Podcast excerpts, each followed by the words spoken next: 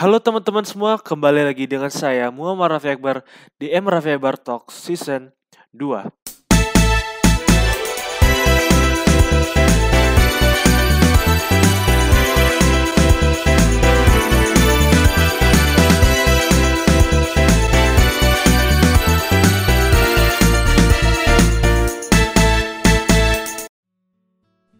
Halo kawan-kawan, kembali lagi dengan saya Muhammad Rafi Akbar di M Rafi Akbar Talks.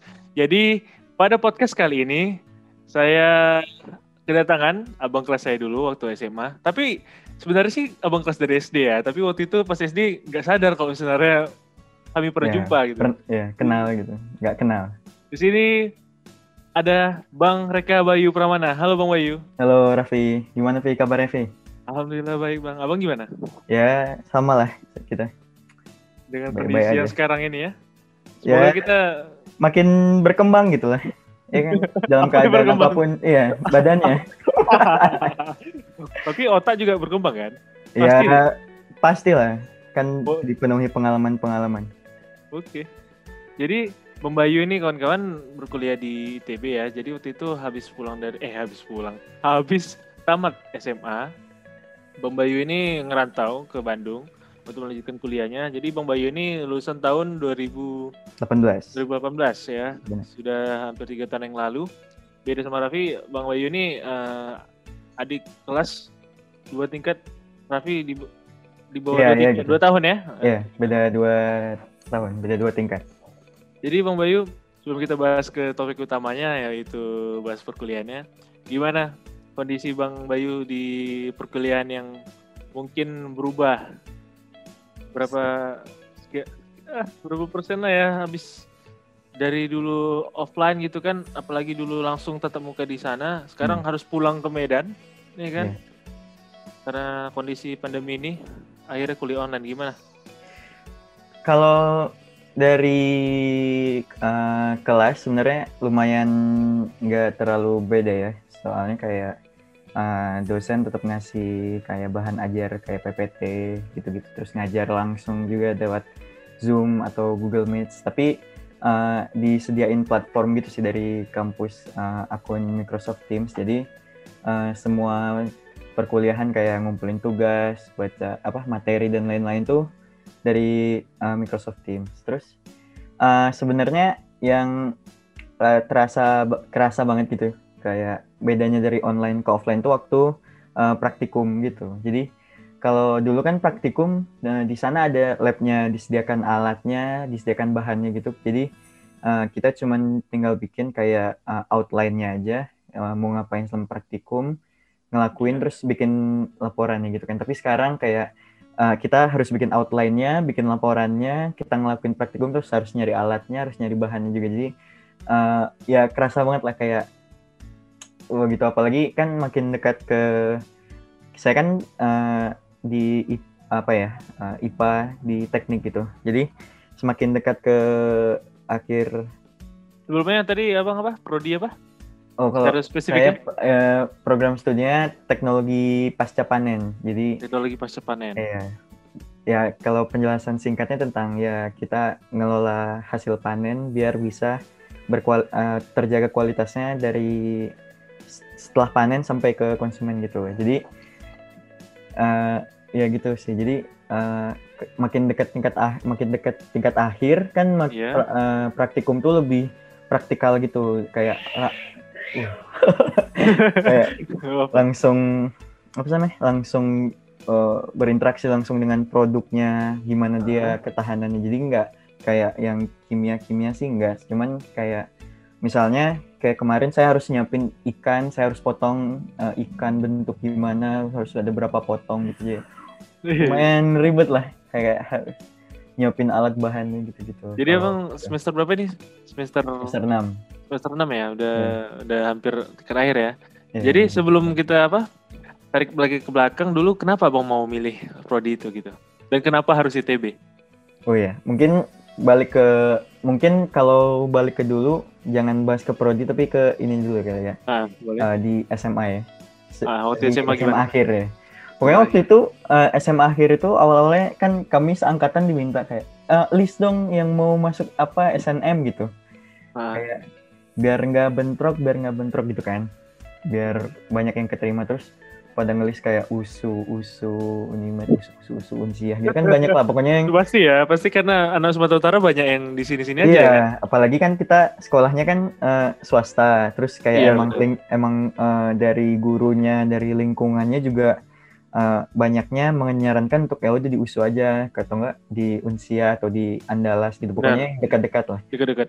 Eh, jadi eh, sempat kepikiran juga ah, kalau misalnya di USU di ini kan sama. So- kan saya sa- di rumah itu ada empat bersaudara kakak saya kedua saya kan ketiga kakak saya pertama kedua Iya. tuh udah di USU. Jadi kayak ah kalau di USU lagi kayaknya apa gitu. Terus sama aja ya? ya terus pas di list juga ih banyak yang USU gitu. Jadi eh, kesempatan lulusnya kurang.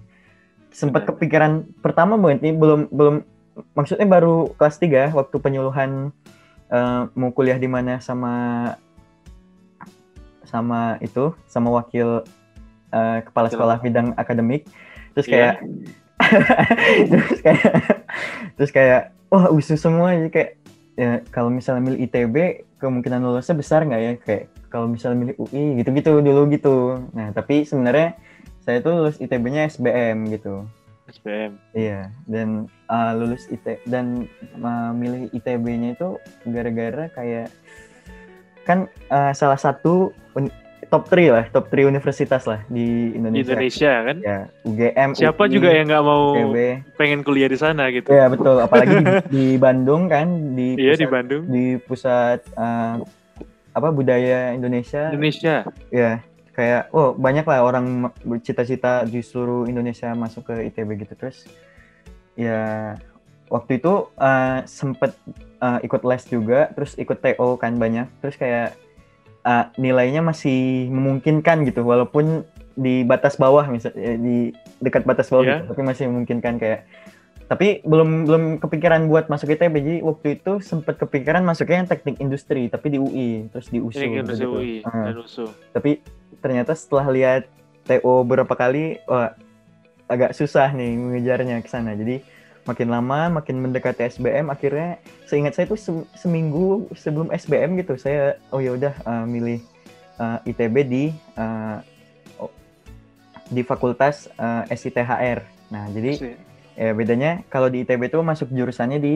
tahun tahun kedua di tingkat kedua. Oh jadi milih tahun kedua fakultas maksudnya dulu. pilih fakultas dulu? Ya, yang Hmm. waktu masuk milih fakultas dulu, kita jalanin perkuliahan tuh se ITB tingkat pertama tuh eh, sama. Jadi eh, pelajarannya sama. mata kuliahnya sama Iya, ya mata kuliahnya sama, itu sama. Jadi terus gara-gara uh, jurusan itu berbeda berarti uh, berarti satu fakultas itu anak semester 1 dan 2 aja berarti iya Iya, semester 1 dan 2 itu sama iya semester 1 dan 2 kumpul sefakultas. Nanti Mhm. tingkat eh, semester 3 4 tuh baru misah-misah ke jurusan yang diinginkan. Oh, Ya gitu sih.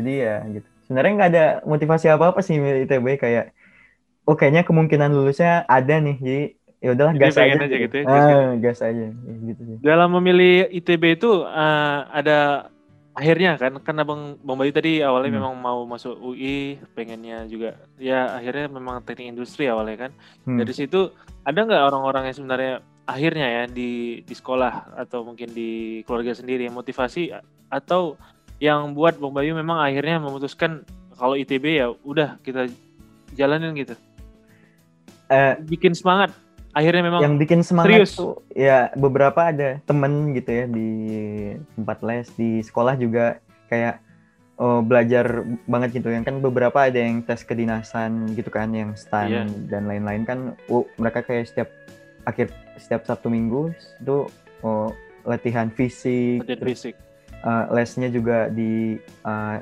tempat khusus gitu yang tentang kedinasan gitu. Jadi ngelihat mereka kan semangat gitu kayak ke, bahkan ke kelas tuh bawa buku soalnya gitu ngerjain di kelas gitu. Jadi kayak um, kan eh semangat lah belajar juga gitu. Kayak terus uh, ada beberapa teman les kayak yang memang kan kalau di tempat les lebih beragam ya orang-orangnya kan iya soalnya benar dari sekolah sekolah, yang berbeda ya. ah, sekolah yang berbeda-beda terus mereka tuh kayak oh pengen di sini pengen di sini pengen di sini terus ap- apalagi di sana kelihatan le- lebih belajar lagi kan terus kayak oh ya udah eh, Karena persaingannya bisa, lebih lebih apa ya? Kita ketahuan ya kalau misalnya di sekolah kan kita tahu kawan-kawan kita misalnya Iya, kan, benar. setiap hari. Kalau di les kan bervariasi eh, anak-anak itu dari sekolah-sekolah mana, terus banyak mungkin ada yang lebih pintar dari kita ya. Iya banyak banyak lah. Banyak kali ini. Akhirnya kan di situ kalau kita misalnya lihat dari sekolah kan, misalnya kita biasa di sekolah Hmm. mungkin juara umum, tapi kalau misalnya udah masuk les, ada nggak abang ngerasa, aduh, dia ini, jadi kayak rasa ada minder gitu, ada nggak pernah nggak ngerasa kayak gitu?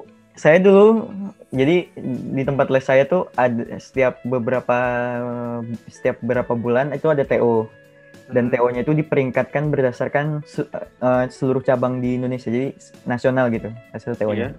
Nah di kelas saya itu ada satu orang dia tuh peringkat 9 nasional jadi Aduh, kayak wah saya tuh peringkat eh, tiga ratusan gitu lah dari berapa ribu gitu. Ya lumayan lah ya sebenarnya. Tapi kan lumayan. dibandingin sama dia kan? Sembilan ya. iya jadi ya pasti minder juga sih apalagi tapi untungnya kita tuh nggak berkompetisi secara langsung gitu karena beda minatnya. Dia pengennya masuk yang lain saya pengennya masuk yang lain gitu. Jadi Akhirnya Ya. nggak ada masalah persaingan langsung nggak ya. ada misalnya. masalah persaingan langsung cuman ya agak minder juga lah kalau misalnya Justru, ada, justru kalau misalnya tadi sampai dia di jurusan yang sama yang kita mau, ya itu itu pasti tuh kayaknya saya itu pindah nih, iya. Kayaknya saya yang mengalah ini kayaknya. Saya yang mengalah kayaknya. Jadi eh, setelah setelah Bang Bayu masuk ITB kan, Hmm. eh, pasti senang ya. Alhamdulillah Ya. kan. Ya, tenang gitu, tenang. Gimana pas mulai perkuliahan pertama kali di sana? Bang Bayu pas di sana langsung sendiri kan, gak ada di Ya, langsung sendiri. langsung sendiri. Nah, di tahun-tahun di semester pertama ada apa nggak sih? Ada ngerasa-ngerasa perbedaan budaya atau mungkin perbedaan cara belajar? Hmm. Apalagi apalagi Bang Bayu ngerantau gitu. Nah, di sini kan rantau kan beda kalau misalnya kita di Medan gitu kan, sekolah dari SD sampai SMA kan kita diawasi orang tua pastinya kita juga belajar ya mungkin di rumah sendiri, di lingkungan sendiri, di tempat kita sendiri. Jadi kesannya kan ya ngerasa rumah sendiri gitu. Kalau misalnya di sana di tempat orang, Hmm. Hmm, tempat orang ada nggak perbedaan-perbedaan yang mungkin akhirnya jadi shock untuk sendiri gitu ih kayak gini ya gitu Sebenarnya kalau sampai shock banget enggak, tapi kalau misalnya eh, kerasa sangat beda gitu, ya kerasa lah. Jadi eh, biasanya kan dulu tuh kalau eh, di rumah tuh kayak hal-hal kecil kayak eh, eh, tempat tidur gitu diberesin, eh, Iya. ada yang beresin gitu lah. Pokoknya kalau misalnya udah harus ganti eh, spray, ada yang Spray ya? gantiin gitu-gitu kayak selama di sana kan sendiri gitu. Jadi kayak ya salah satu yang kendala besar banget tuh kayak bersih-bersih kamar kos tuh agak ini sih. Jadi dulu kan lumayan sibuk ya kayak harus nyiapin apa-apa sendiri terus kayak Hmm. eh, eh, kelasnya pagi kan jam 7 kan. Terus kayak eh, kadang ada kegiatan lain terus harus sampai malam gitu. Jadi kayak ngerasa kurang waktu buat bersih-bersih gitu. Dan Sabtu Minggu tuh biasanya jalan-jalan terus kayak ya gitulah pokoknya istirahat Refreshing atau ya? jalan-jalan gitu. Ya istirahat atau jalan-jalan. Jadi eh, yang paling kerasa tuh eh, kamar tuh agak berantakan. Jadi kayak eh, terus ya agak ngaruh ke mood juga, ngaruh ke cara belajar juga. Jadi sebenarnya sederhana ya kayak kita tuh bersihin tiap hari gitu. Cuman kemarin tuh karena emang baru terus kaget terus kayak nggak nggak nggak kebiasa. Jadinya- kebiasa ya ya jadinya ya itulah jadi agak berantakan terus ya, pada akhirnya ya mulailah nyicil nyicil nyicil tapi lama-lama ketumpukan kayak cucian terus ya kan nyuci sendiri harus eh, setrika sendiri masak sendiri. Gitu kayak wah berat juga gitu sendiri eh, nggak ada yang bantuin. Terus eh, ya gitulah terus harus ngikutin belajarnya. Kan ap- di di tempat les aja ada yang peringkat 9 di Iya. ITB wah lebih beragam lagi ininya kejeniusannya gitu. Persaingannya Iya. lebih lebih mengerikan ya, kan lebih. kita kita juga ngakuin ya kan ITB itu kan kumpulan di situ anak-anak yang terbaik bangsa pasti di situ. Iya iya benar pasti di situ. benar. Masih di situ jadi dengan tadi ya bang cerita tadi masalah mandiri yang di kemandirian yang dicoba di sana gitu kan sebagai anak rantau. Gimana bang ngatur waktunya? Nah Untuk itu dia? Nah, itu dia. masalah juga. Saya sebenarnya agak kurang ini di situ makanya nggak nggak nggak nggak keurus juga sih. Jadi merembet gitu. Jadi di gara-gara nggak bersihin beresin kamar nggak nggak nggak nggak apa nggak maksimal di belajar, nggak maksimal di aktivitasnya juga. Jadi sebenarnya hal kecil banget nih, kayak sekedar beres-beres gitu. Ternyata ngaruh besar banget kan. Terus itu tuh juga jadi makan banyak tempat di uh, ngatur waktunya gitu. Jadi sebenarnya sih ngatur waktunya ada gitu. Cuman yeah. kan menjalankannya susah gitu. pasti kalau misalnya udah terlalu apa yeah. terlanjur rebahan pasti agak yeah, apa agak, ya? Ada rasa-rasa malas ya? Agak lost gitu. Jadi kayak sebenarnya untuk uh, kalau saya, kalau saya pribadi itu uh, yang diutamain itu saya tahu dulu apa yang mau dilakuin misalnya. Hmm. Kalau misalnya udah tahu baru diurutin gitu. Kayak hari ini ngapain aja ya gitu-gitu.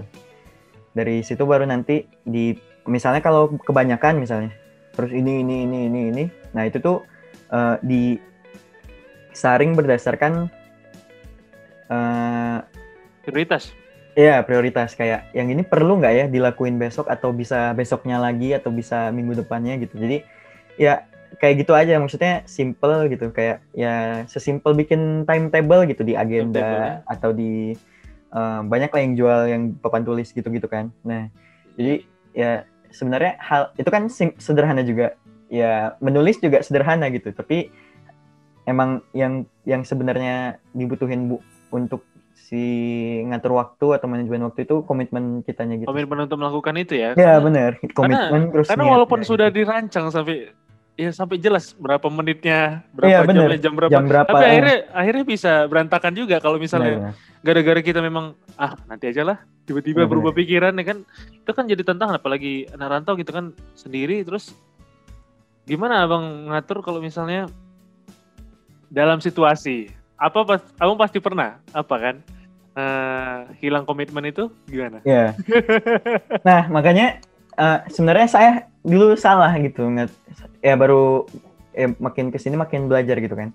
Jadi sebenarnya dulu tuh agak salah sih sebenarnya dalam mengatur si waktunya itu. Jadi sebenarnya dalam mengatur mengatur si kegiatan atau mengatur waktu atau mengatur yang lain itu harus dikasih juga um, bagian buat istirahatnya gitu. Jadi ah. jangan, jangan ngerasa oh, benar, oh harus benar, harus benar. harus produktif kayak setiap oh, hari harus baca satu, setiap hari baca satu, setiap hari baca satu kayak eh, ya bagus, cuman pasti lama-lama bakal kecapean gitu, bakal burn out istilahnya kayak akhirnya ah, jenuh sendiri ya, ya. Akhirnya jenuh. Jadi di agenda itu sediakan juga waktu misalnya hari Minggu uh, tanggal berapa misalnya makan es krim atau misalnya hari Senin jam satu misalnya hari Senin tuh padat dari jam 7 sampai jam 12 padat. Nah jam satunya misalnya uh, ada waktu main game jadi di itunya di agendain juga gitu. Dan memang ya gitulah. Balik lagi harus komitmen juga menjalankan si uh, kegiatannya sesuai waktu dan menjalankan si istirahat juga sesuai waktu. Jadi kayak jangan iya, gara-gara yeah. udah iya. diagendakan istirahat misalnya seharusnya cuma sejam nih tapi dilakuinnya malah lima jam. Gitu kayak kan sama aja. Jadi balik lagi kayak komitmen gitu. Jadi harus di itulah dikuatkan. Terus kalau misalnya udah hilang komitmen ya waktu itu ya saya banyak lah yang akhirnya lepas gitu. Kayak uh, adalah kayak beberapa nilai ujian saya agak drop terus ya gitulah. Kegiatan banyak yang berhenti gitu-gitu. Jadi ya apalagi sendiri jadinya ya nggak ngapa-ngapain aja di kamar. Kayak ya udahlah gitu. Terus akhirnya ya agak dengan, ada penyesalan juga cuman ya nggak berlarut-larut lah. Jadi dengan kebiasaan di rumah misalnya di sana ya di kos ya di kos di hmm. Bandung kan pasti pengaruhi dengan cara kuliah ya misalnya abang bangun pagi itu hmm. apa aja kegiatan yang sebenarnya yang paling penting selain ya bangun tidur ya pasti soal subuh gitu kan hmm. uh, berangkat itu kos abang jauh nggak dari kampus oh uh, kos saya uh, kebetulan dekat ya, dekat kali ya. Pokoknya hmm. ya tiap pagi saya jalan kaki. Tiap hari jalan kaki ya. Hmm. Jadi dengan kebiasaan itu misalnya setiap pagi, misalnya kuliah hmm. gitu kan. Ada nggak gini ya, kita karena biasa ya anak rantau ya. Raffi itu walaupun Raffi belum pernah ngerantau, tapi Raffi pernah hmm. punya pertanyaan gini. Pernah nggak kalau misalnya alarm hmm. sudah dihidupkan, tiba-tiba kelewatan, tiba-tiba panik? Pernah ada situasi kayak gitu? Oh pernah lah, pernah kali pun. Sering. kan kelas jam 7 nih. Jam 7 kan uh, ya gitu lah pokoknya uh, alarm itu jam 5 biasanya, jam 5 sama setengah 5. Jadi uh, pernah satu hari saya harus begadang gitu karena ngerjain ada tugas ya? uh, tugas beberapa tugas saya yang harus ya dikerjain. Terus tidurnya baru jam 2 apa jam setengah tiga gitu. Kan dari setengah tiga ke setengah lima kan cuman sejam ya? jam, eh cuman dua jam ya? Dua jam. uh, ya kelewat pasti. Terus ada kelas jam 7, bangunnya waktu itu 7.15. Terus kayak aduh. aduh belum, belum belum sholat subuh, belum ini. Saya langsung uh, pakai celana. Kan uh, pakai apa? Pakai baju tidur langsung ganti. Pakai baju, ganti baju, pakai celana panjang, bawa tas. Pokoknya nggak nggak nggak tahu lah bawa nggak bawa minum, nggak bawa uh, apa waktu itu nggak ya banyak lah yang ketinggalan terus lar, uh, jalan cepet-cepet ke kampus terus ya pada akhirnya telat juga tapi untungnya waktu itu ya, dosen yang ngajar mata kuliahnya nggak terlalu strict gitu jadi aman gak terlalu tegang kali ya, jadi nggak terlalu kayak, emang dia nggak tahu lah pokoknya dia diem diem aja saya masuk jam tujuh empat puluh gitu tujuh empat lima gitu ya gitu bahkan cuci bahkan saya masuk saya keluar lagi buat cuci muka karena belum cuci muka di uh, kos. Bangun tidur nggak sempat ya? iya, jadi langsung itu benar-benar langsung. Uh, jam berapa? Jam lima uh, langsung pakai sepatu sampai sana masuk naruh tas langsung keluar cuci muka lagi. Ya masuk.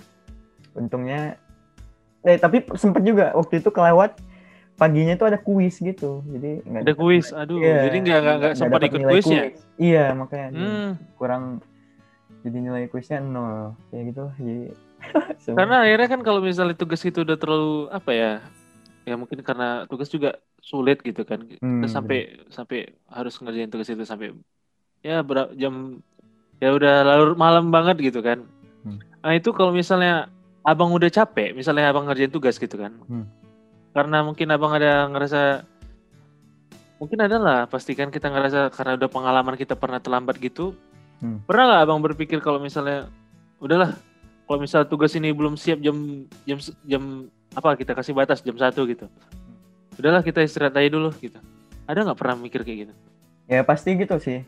Itu juga setengah itu saya tidur jam setengah tiga karena udahlah udah setengah tiga bentar ya bangun jam berapa ya jam iya bangun jam berapa lagi ya pasti gitu. ya pasti ya nah, yang penting tidur yang penting ada tidur dulu lah gitu masih Karena ada juga pasti mahasiswa yang malah nggak tidur kan dengan Iya, saya juga beberapa kali sempet lah karena uh, ya lalai juga waktu itu ngerjain tugasnya mepet-mepet sama deadline.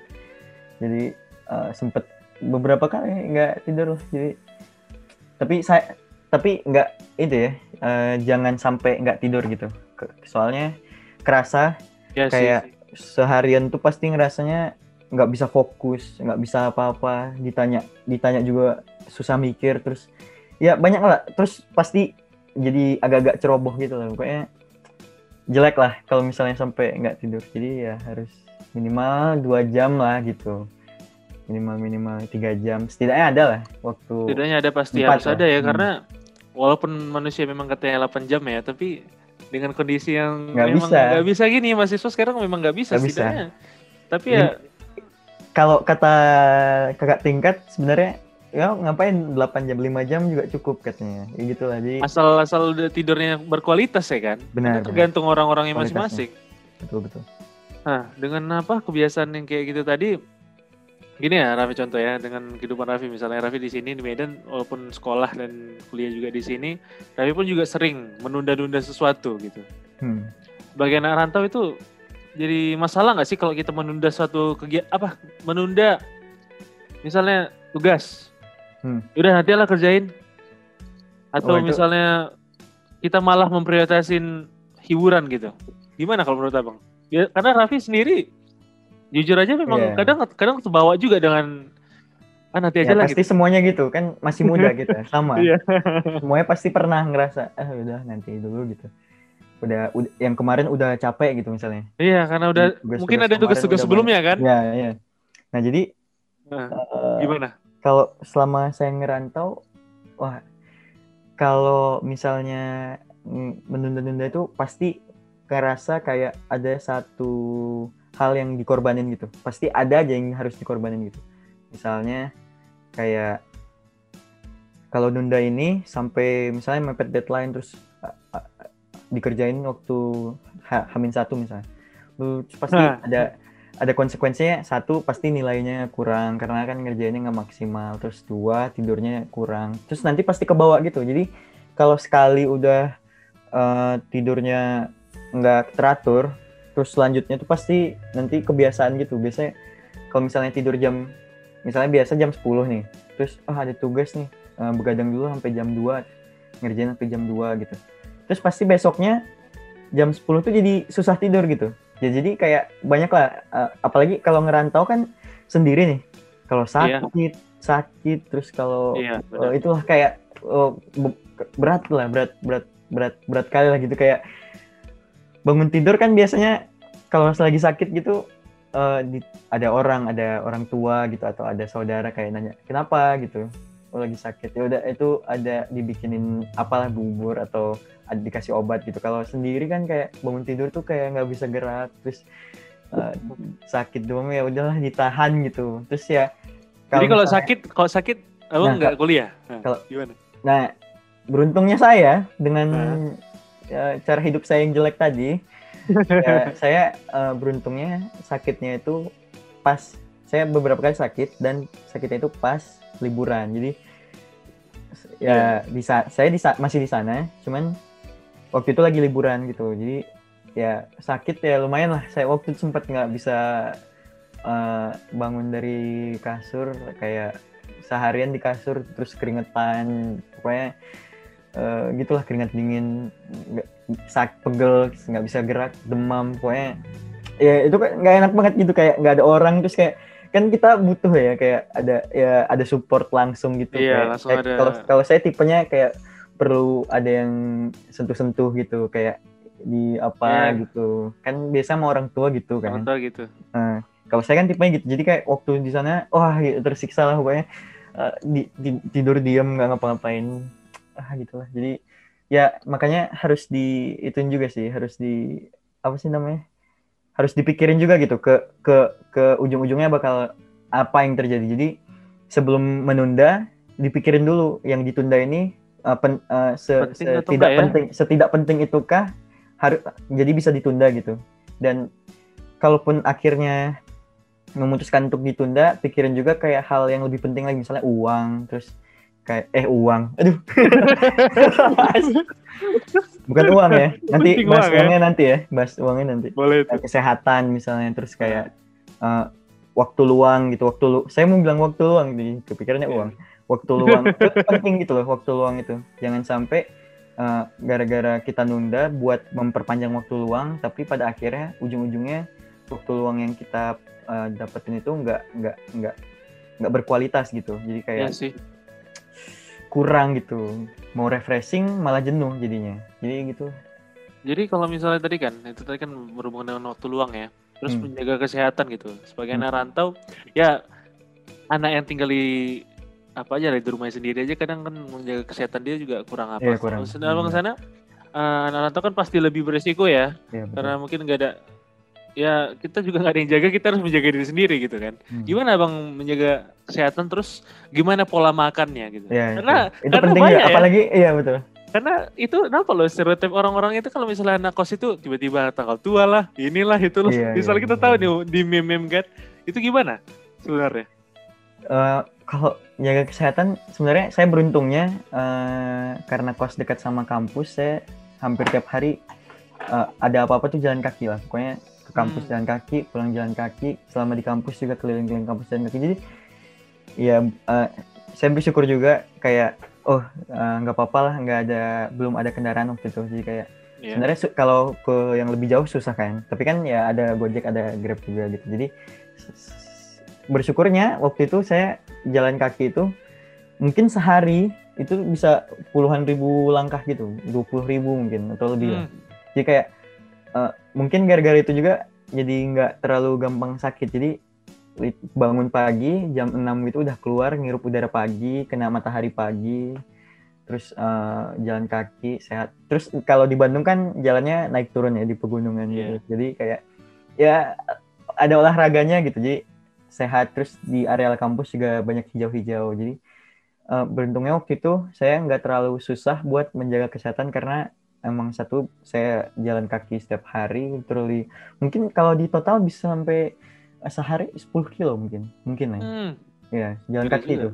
Eh, pulang pergi terus keliling-keliling di kampus doang tuh mungkin sampai 10 atau enggak sampai 10 lah, mungkin 5 5 km gitu sehari jalan kaki. Jadi ya eh, lumayan bantu lah. Terus kalau pola makan tadi nah ini sebenarnya. Jadi eh, dalam pola makan nih ada hal lain juga kan? Kita ng- eh, ngerantau pasti dikasih uang bulanan kan? Jadi Benar.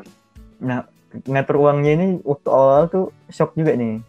Oh, Hmm. kalau ngom- eh, ngomongin yang balik ke shock tadi ini shock juga nih waktu ngatur uang. Kan sebelumnya nggak pernah nih ngatur uang Iya. dikasih uang terus udah gitu. Kan biasanya Apalagi kalau misalnya kita di rumah kan juga biasanya kan ada makanan gitu kan. Mm-mm, kalau di rumah makanannya bangun pagi udah ada makanan. Iya. siang udah ada makan jadi tinggal ngambil piring nih. Tinggal ngambil piring terus makan gitu. Jadi tapi kalau di selama merantau kayak dikasih uang nih. Ini uang ya gitu. Eh, digunakan sebaik-baiknya. Kan kebutuhan lain tuh ada banyak ya. Kayak nggak cuman kebutuhan makan terus kayak yang perlu uang gitu gitu jadi waktu itu- waktu awal shock sih. Kayak sempet waktu itu belum sampai akhir bulan masih dua masih baru mau 20 tuh uangnya udah tinggal wah udah sedikit banget. Terus kayak Aduh. "Eh, gimana nih gimana gitu. Jadi kayak ya waktu itu sempat juga oh ya udahlah uh, uh, uh, beli beli beras gitu. Kan waktu itu beli ada punya rice cooker di rumah. Jadi uh, makan nasi bikin sendiri Iya. gitu gitu sebelumnya kayak oh ada uang makan di sini makan di sini cobain cobain. Kan apalagi baru ya kan baru ke Bandung Iya benar. kayak wah pengen nyoba ini di, di Medan nggak ada pengen nyoba ini Medan gitu terus uh, kan harganya lumayan mahal karena kan dekat ibu kota ya salah satu kota besar gitu pasti kayak itu ininya juga tinggi kan UMR Tinggi tinggi ya UMR. ya. Eh, makanya harga harganya juga tinggi kan kayak lebih lebih mahal seribu atau dua ribu daripada di Medan jadi ya waktu itu ya lumayan susah juga kayak ng- ngatur pola makan itu susah lah dulu sempet makanya sempet jadi kurus mungkin gara-gara pindah ke ini ngembang gini gara-gara balas dendam gitu kayak badan saya Apalagi pulang pulang udah lain ya kan sama iya kayak makanya kayak pagi siang malam tuh pasti makan gitu kalau di rumah kan kalau di sana Hmm. kan apalagi eh, seringnya kan kayak tadi b- apa bangunnya mepet jam 7 misalnya Mm-mm. atau Itu pasti misal- sarapan enggak bang? Eh, itu kadang saya sarapan kadang enggak. Jadi kayak makanya Nah, eh, pent- jadi sebenarnya yang saya ngerasa penting juga sarapan soalnya kalau misalnya nggak sarapan tuh kerasa di kelas waktu pagi-pagi tuh cepet ngantuk susah Iya fokus gitu-gitu. Jadi tapi seringnya saya nggak sarapan sih karena emang nggak se- apa nggak sempat gitu. Soalnya jalan walaupun dekat kali jalan juga butuh sekitar 15 menit gitu. Jadi eh, 10 sampai 15 menit. Jadi kayak eh ya jarang lah jadi biasanya saya nyiapin apa gitu malam-malam ada teh manis atau minum madu gitu-gitu sih biasanya buat ganjel di malam sebelumnya ya? Iya, Kita di malam sebelumnya. supaya supaya Kalau nggak terasa terlalu lapar gitu. nasi atau nasi bekas yang malam yang saya makan misalnya oh ini buat besok pagi kadang-kadang gitu jadi ya gimana ya jadi ya gitulah kadang beli juga di eh, dekat situ roti atau onigiri gitu-gitu jadi kan tapi jarang Tidak sih. yang mengganjal Iya, ya, tidaknya ada yang mengganjal gitu. Hmm. terus kalau siang sih aman. Nah kalau malam nih biasanya malam tuh kan saya udah ke kosan nih. Biasanya kalau udah masuk ke kamar kan aduh mager seharian jalan capek kuliah kepala capek badan capek kan. Terus kayak makan lapar tapi ma- makan mager gitu. Jadi makanya eh, sebenarnya agak ini juga eh, ma- malam. Kalau misalnya malam nggak makan pasti paginya nggak makan kan? Karena Ya, nggak nyiapin makanan kan dari malam. Jadi ya gitulah seringnya sih kayak gitu. Jadi malam tuh kadang mager terus kayak ah udahlah makan ini aja. Atau makan pop mie atau makan mie atau makan uh, uh, gorengan aja atau makan. Jadi ya gitu gitulah pokoknya. Apalagi biasanya saya kegiatan di kampus tuh bisa sampai jam 10 sampai jam 11 gitu. Dan di Bandung tuh jam 9 tuh toko-toko tutup. Makanya saya itu kaget yang kedua kagetnya yang karena beda Iya. di sini ya. di di Medan orang-orang kan setelah jam 8 baru keluar nih ya kan? setelah jam 8 baru keluar kan baru oh ke mana Banyak, ke mana iya. ke mana gitu nah di tempat saya di eh di tempat saya di Bandung sana waktu saya awal-awal Nah. saya tuh eh, eh, pertama kali ditinggal orang tua gitu kan wah malam ini makannya sendiri nih gitu kan waktu itu di orang tua pulangnya siang gitu habis nganter balik sore terus malam kan biasa rebahan dulu lah istirahat kan lagi nggak lagi nggak ada eh, apa-apa. Eh, terus ah nanti malam makan apa ya? Nanti aja lah. Terus uh, main HP terus nyetel nyetel laptop terus ngatur-ngatur kamar. Terus udah jam setengah sembilan terus kayak ah nyari makan ah keluar gitu. Setengah sembilan. Pas setengah sembilan keluar tuh uh sepi kosong. Yang buka tuh cuman warung yang minimarket gitu-gitu. Kayak ih nggak ada yang jual lagi nasi tukang nasi goreng juga lagi udah udah mau tutup. Udah pada pulang-pulang ya? Iya Jadi... udah udah pada tutup. Mall dekat bukan mall sih dekat saya itu ada pusat perbelanjaan gitu. Perbelanjaan. Nah itu bahkan maghrib udah tutup gitu. Terus kayak hmm. ih kaget terus kayak ih ke mana nih keliling keliling keliling akhirnya nemu tukang sate ya beli sate jadi kayak oh kaget jadi kayak setelah setelahnya nyari makan tuh pasti abis maghrib langsung nyari makan malam gitu gitu jadi kayak kaget kan kalau di Medan tuh kan biasanya jam 10 juga banyak masih banyak yang buka gitu. Kayak terus orang di luar juga masih banyak gitu yang nongkrong nongkrong kalau di sana tuh jam 10 tuh udah sepi gitu. Tempat nongkrong tuh biasanya yang kayak di tempat 24 jam di warung kecil warung kopi gitu-gitu. Nah biasanya pusatnya di situ tapi di tempat lain tuh kosong gitu sepi. Jadi sempet shock juga itu terus kayak eh gitu jadi karena malam nggak makan pagi nggak makan siang terus jadi kurus waktu itu kurus kurus sekali pokoknya kurus sekali lah. Beda lah ini uh, gendut kali nih waktu dia pulang ke sini ya. lagi ya. Ya gitulah jadi kurus sekali terus sempet juga jadi susah fokus sih kalau uh, ini pola makan itu. Jadi ya gitulah. Jadi uh, sebenarnya kalau jaga kesehatan nggak terlalu susah soalnya sering olahraga terus kalau tentang apalagi Raffi pernah nengok gitu. abang sering lari ya berarti ya di sana nah kalau lari itu itu uh, ini ada Minggu mata sekali. kuliahnya mata kuliah. Oh itu ada mata kuliahnya ya, olahraga, olahraga berarti. hmm, benar. Hmm. memang wajib itu. Jadi gitu hmm. gitu sih. Jadi ya terbantu juga sebenarnya sama mata kuliah itu. Jadi sering lari kan. Kan lari itu lebih keras ya. Jadi sering lari jadi ya agak lebih sehat lah. Apalagi yeah. kalau mau lari kan harus makan dulu sama dosen kan harus disuruh makan dulu biar nggak pingsan gitu-gitu. Jadi uh, soalnya sering banyak kasus gitu sih yang pingsan gara-gara dia begadang, dia udah begadang terus nggak makan terus olahraga berat. Olahraga. Gitu. Ah, jadi ya gitulah. Makanya terbantu lah gara-gara olahraga, sering olahraga terus Uh, tapi kalau makan agak itu sih. Ya sebenarnya mungkin kayak seimbang gitu ya makanya olahraga jalan terus pola makan nggak teratur sebenarnya. Jadi kayak mau sakit tapi olahraga gitu. Ya gitu lah. Jadi agak lumayan 50-50. Hmm. Tapi untungnya saya sakitnya itu waktu, seringnya waktu di liburan.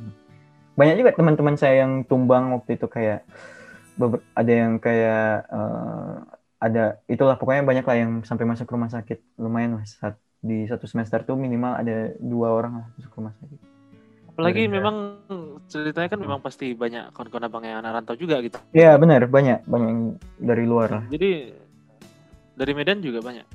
Gimana? Di fakultas, iya, fakultas saya, abang? Di fakultas saya orang Medan tuh lumayan banyak sih ada 10 orang gitu dari 150. Hmm. Ya terhitung banyak lah kan di jauh ya Medan Bandung kan jauh ya. Iya. Ter terhitung banyak lah satu fakultas saya orang Medan 10. Jadi ya sering ngobrol juga sih sama mereka kayak kalau uh, waktu pulang gimana gitu-gitu sih biasanya. Karena kan ya. memang apa ya anak rantau kan melatih kemandirian gitu intinya benar, benar. sebenarnya kan. Terus ya belajar di tempat orang terus ya memang karena demi menuntut ilmu itu gitu kan. Hmm. Jadi kan akhirnya banyak pengalaman-pengalaman yang dapatkan ya setidaknya juga dengan ngerata itu pengalaman malah makin banyak ya makin hmm. bervariasi dengan kisah-kisahnya gitu. Jadi bang ini udah hampir udah setengah jam lebih kita oh, udah setengah jam bicara ini. Udah 35 oh. menit lebih nih. Uh, bicaranya tentang saya mulu dari tadi. Gimana? Ini terakhir ya. Oke okay, oke. Okay. uh, untuk adik-adik misalnya. Okay. ini kan Raffi Raffi kan belum nih Gak tahu nanti ya. Amin. Apanya? Merantaunya maksudnya? Merantau ya kan? Ya oh kan? iya iya. Untuk adik-adik misalnya ada yang mau ngerantau gitu. Hmm. Apa sih supaya nggak ngerasain hal-hal yang merugikan sebenarnya dari hmm. pengalaman-pengalaman abang apa tips yang pertama seharusnya pas abang pikir setelah abang dapetin peristiwa itu gitu kan hmm. duh seharusnya dulu udah dipikirin dulu gitu pas dari hmm. SMA gitu gitu ada nggak ya, kalau misalnya tips atau kayak harus ngapain itu tadi sih sebenarnya balik lagi ke kasus awal kayak eh, hal sederhana kayak ngerapin kasur atau beres-beres uh, kamar sendiri gitu. Itu tuh ternyata dampaknya besar gitu.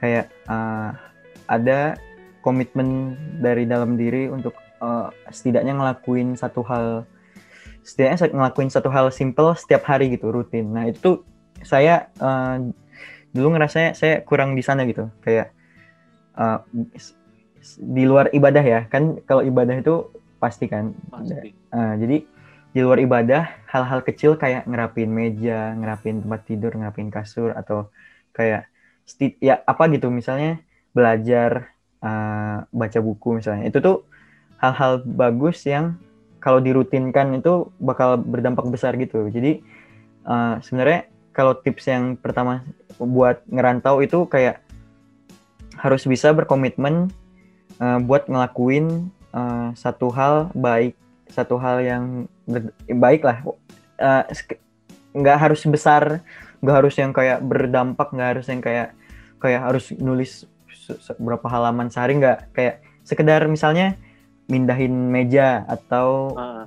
nyiapin makan atau um, cuci botol atau cuci baju atau misalnya mindahin kasur gitu-gitu hal-hal kecil itu yang dirutinkan setiap hari dan memang komitmen wah setiap setiap ini harus ngerjain ini, ini itu berdampak sih dan pasti ngikut ke yang lainnya jadi dari SMA mungkin mulai gitu ah kecil-kecil lah misalnya kayak uh, bangun lebih pagi atau iya. misalnya yeah. uh, bangun pagi itu um, peregangan-peregangan gitu-gitu misalnya gitu itu pasti bakal olahraga ringan ya, ya. Hmm. pasti bakal ada dampaknya lah buat yang lain-lain gitu Oh iya, tadi karena bahas-bahas tempat tidur, tapi ingat ada quotes dari apa? Dari pensiunan Jenderal AS ya.